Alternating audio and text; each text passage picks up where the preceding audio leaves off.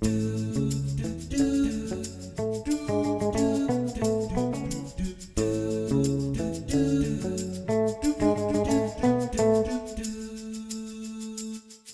och välkommen till Bokspanarna, bokpodden från biblioteken i Luleå.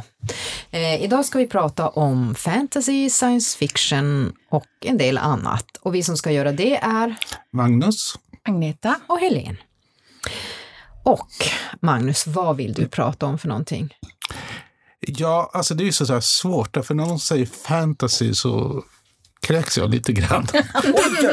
Oops! Å andra sidan så är jag inte så där jätteförtjust i sån här hardtech science fiction heller. Alltså sån här, de far i en liten båt på månen, båten sjunker, man måste laga en vit och så klättra ut och då går något sönder och då måste man sända en signal. Eh, jag föredrar mer psykologisk science fiction. Eh, Ray Bradbury, Invasion på Mars, är en av mina stora favoriter. Och den tycker jag faktiskt att man ska läsa nu med tanke på det som händer i USA. För det som han gör i den, det är att han beskriver vad som händer när amerikaner stöter på eh, andra etniska grupper. Fast i det här fallet är det inte indianer, det är inte mexikaner, utan det är marsianer. Och den är väldigt stark. Som Trump då? Nej, Ja, marsianer. nu liksom fick det mig att komma av mig. Men ofta när man pratar om science fiction så säger folk vad är science fiction? Och då säger jag det är jättelätt. Man har fiction, man har non-fiction och så har man science fiction. Alltså fiktiva berättelser om vetenskap. Ah. Och då tittar Men folk, gud, vilken perfekt förklaring. Tack. de flesta köper den inte utan de tittar på den som man är lite konstig. Jag köpte den direkt. Ja. Mhm.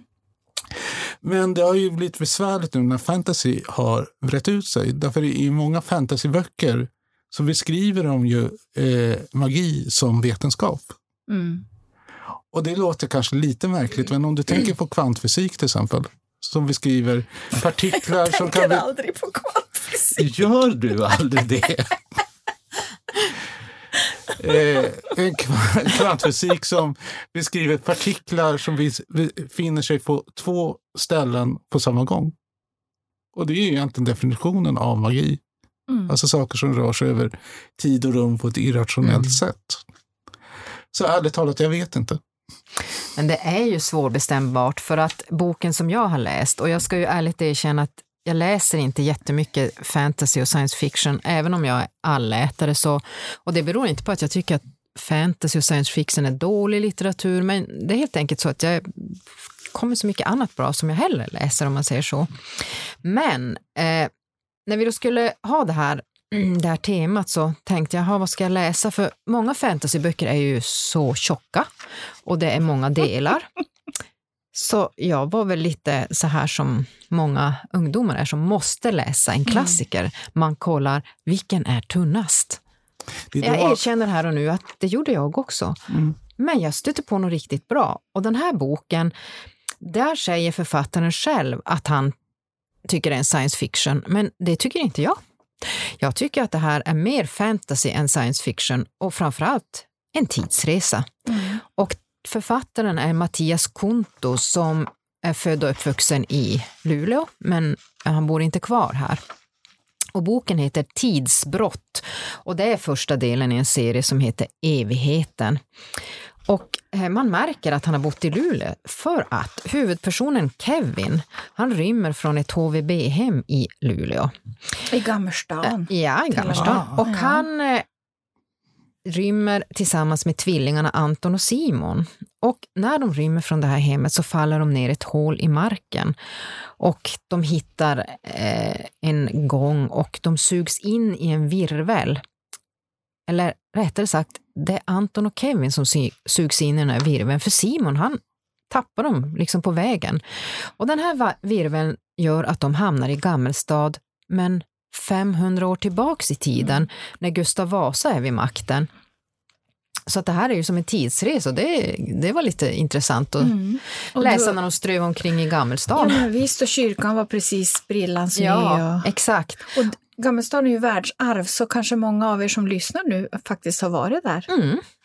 Och ursäkta, sen bär det sig inte bättre än att de kommer till Stockholm och de hamnar vid Gustav Vasas hov och får jobba åt honom. Och där träffar hon på tidsväktaren Vincent McCain som har till uppgift att bevaka tidsresenärerna för att förhindra att det blir olagliga förändringar i det historiska förloppet. Och han jobbar åt något som kallas för Bolaget. Och det finns i den här boken eh, tekniska prylar som hjälper till med både det ena och det andra. Och det finns också vätskor som gör att man kan prata på ett tidsenligt sätt så att man Mm. inte sticker ut. Jag tyckte det här var en den var spännande. Mm. På, en, på en del ställen var den riktigt, riktigt spännande. Men som sagt, jag tycker nog mer det är en fantasy än en science fiction. Men det är ju det som är med den här genren, att det är nog mycket Alltså många av Mm. böckerna är svårbestämda. Är det här en fantasy? Är det en science fiction? Är det en skräck? Är det en dystopi? Alltså, Mm. ibland så tangerar det. Det kan vara lite svårt att placera dem också för oss som jobbar på bibblan, i en del fall. Mm.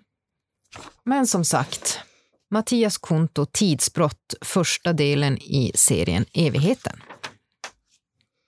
Ja, eh, vi pratade ju om Mars och jag Mars. har valt en bok som heter Ensam på Mars av Andy Weir. Eh, och det här är ju då en science fiction för att den handlar om, än så länge är det en science fiction, men snart så eh, befinner vi väl oss på Mars. Det är, eh, handlar om, om en astronaut som heter Ma- Mark Watney och han är, han är på väg upp han är på väg till Mars med Ares 3 och de tidigare expeditionerna Ares 1 och Ares 2 har ju blivit väldigt upphaussade och när astronauterna har kommit hem så har det varit världens pådrag och så. Men Ares 3, då är det in, ingen nyhet längre. Eh, nu ska han och hans eh, besättning befinna sig på Mars i ungefär en månad, sex veckor, någonting sånt. Eh, men när de har varit där i bara sex dagar så kommer det en jättehäftig sandstorm. Eh, och den är på, vindbyarna är på nästan 50 sekundmeter och det är ju väldigt, väldigt mycket. Eh, den här äh, habitatet som de har, alltså boplatsen eller tältet eller vad man ska säga, eh, det ska klara om det är 42 sekundmeter och likadant den här eh, rymd, lilla rymdraketen som de har ska också klara 42 sekundmeter. Så när det börjar bli så mycket som 50 sekundmeter så meddelar NASA att expeditionen ska avbrytas. Eh, och astronauterna måste ta sig från tältet de bor i till rymdskeppet. Och alla klarar det, utom Mark. Han träffas av en flygande antenn som är, vass alltså. Och den skär igenom hans rymddräkt som tappar trycket och den skär också igenom Mark som börjar blöda. Och en av hans eh, kollegor, då, Johannesen, försöker för, förgäves få tag i Mark, och, men de ser ju att han ligger där och ser ju helt livlös ut. Och, alltså, de måste lämna honom på grund av vindbyarna och på grund av att de måste ta sig till, till farkosten som ska ta dem ut i omloppsbanan igen. Men det visar sig att Mark, han är inte död. Han är alltså ensam på Mars och måste på något sätt försöka... Alltså jag tror ju att det är så att vi människor har överlevnadsinstinkt. Och så är det också i det här fallet. För det är ju så här att de, de här rymddräkterna, den är så fantastisk så att den, den trots att det har gått hål i den så pumpar den liksom upp sig igen och han kan ta sig till det här habitatet. Sen är ju hans största problem hur han ska få lyckas få maten att räcka tills de eventuellt kommer tillbaka och hämtar honom. Men det är ju inte som att bara ta en taxi eller en Uber och, och komma tillbaka. Och han måste ju på något sätt också visa dem på jorden att han är kvar, han lever. För allting, han kan inte kommunicera för allting sånt är, är trasigt alltså. Äh, den, är så, den är så spännande och den är så häftig. Och jag, är ju, jag ska säga att jag är väl ingen jätteälskare av, av eh, science fiction, men den här var den var riktigt bra. Man får skumma de här sidorna när det är för mycket. För han är ju, han är ju matematiker och han kalkylerar ju hur mycket potatis han behöver för att överleva och bland annat så skär han potatisen i fyra delar, bara det är ögon på dem. Och så lyckas han med hjälp av sina egna exkrementer eh, göra ett potatisland. Jag vill inte tänka hur det luktar där, men ja, vi behöver inte gå in på detaljer. Eh, men man får, man får bläddra förbi. Om man inte är jätteintresserad av matte och sånt där, som det är inte jag, då kan man bara skumma de sidorna där det är mycket matematik och uträkningar. Det är en otroligt spännande och välskriven bok. Ensam på Mars, Andy Weir. Filmar de inte den också? Jajamän, den är filmad, filmad med um, Åh oh, gud, vad heter han? Han som var med i den här filmen som, med Robin Williams och Stellan Skarsgård, där han var städare och var, han var ju matematik... Eh, eh, Mar, heter han Mark, Matt Damon? Matt mm. Damon mm. heter han. Ah, Just det. Mm. Han är i huvudrollen mm. i den här Ensam på Mars. The, The Martian. Mm. Så den, den kan man absolut läsa och man kan se filmen eh, i, något, i ett senare poddavsnitt kommer vi att prata om bok och film.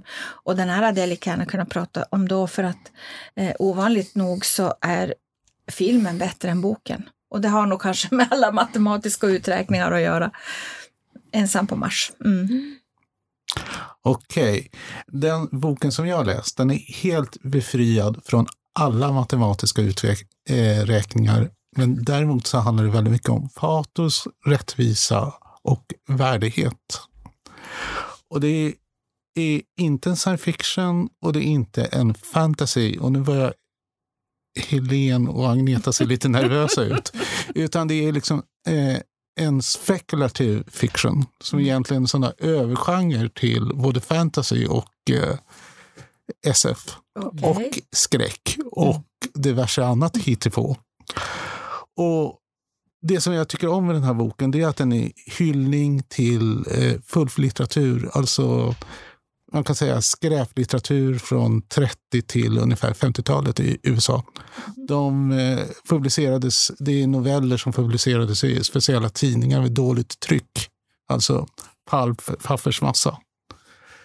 Så det är mycket referenser till bland annat Ray Bradbury som jag pratat om tidigare. Till eh, Lowcraft, det har man ju namnet, Lowcraft Country. Och eh, den för en diskussion hur liksom färgade människor upprätthåller värdigheten i en rasistisk värld. Den utspelar sig då på 50-talet i Chicago. Där Chicago är liksom någon slags trygg hamn. Och någonstans bortom det så finns den amerikanska södern med eh, våldsamheten och eh, man kan säga rent ut sagt monster. Alltså mm. korrumperade eh, sheriffer. Ett politiskt system som inte borde uppmuntras. Mm. Och i den här boken så sammansmälts eh, liksom det här negativa politiska systemet med Lovecrafts skräckvärld. Alltså eh, märkliga varelser med för många ben och ett öga. Eh, konstiga dimensioner som det kommer in grejer som äter människor igenom. Och eh, trollkarlar. Mm. Eh, och det är lite svårt att berätta vad boken handlar om. Därför egentligen är det en novellsamling. Liksom, I varje kapitel så är det en ny genre. Alltså det är en uppgift som huvudpersonerna måste lösa på ett sätt. Det kan vara att flytta in i ett hus där det finns ett ondsint spöke som de lyckas tämja eller bli vän med så att de skyddar dem mot rasisterna som försöker driva dem ur det vita bostadsområdet.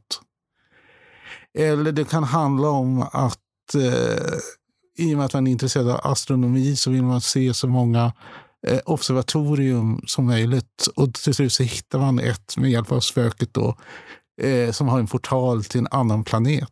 Wow. Där det finns ett otrevligt monster som heter Silla, som jag inte ska säga vad den gör. Men mm. ni vill mhm. inte bli pussad av den. Det finns inte så mycket okay. kvar efteråt. Eh, Jag älskar den här boken måste jag säga. Möjligtvis att den är lite för smart för sin bästa. Mhm. Det är svårt att sådär ironiskt blinka mot en mästerförfattare som Lovecraft utan att inte liksom kanske att det känns att han inte riktigt lever upp till eh, standarden. Okej. Eh, den finns som tv-serie och den är hemsk så den vill jag inte prata om. Nähä, oj, det får du berätta för oss efteråt. Ja. Mm.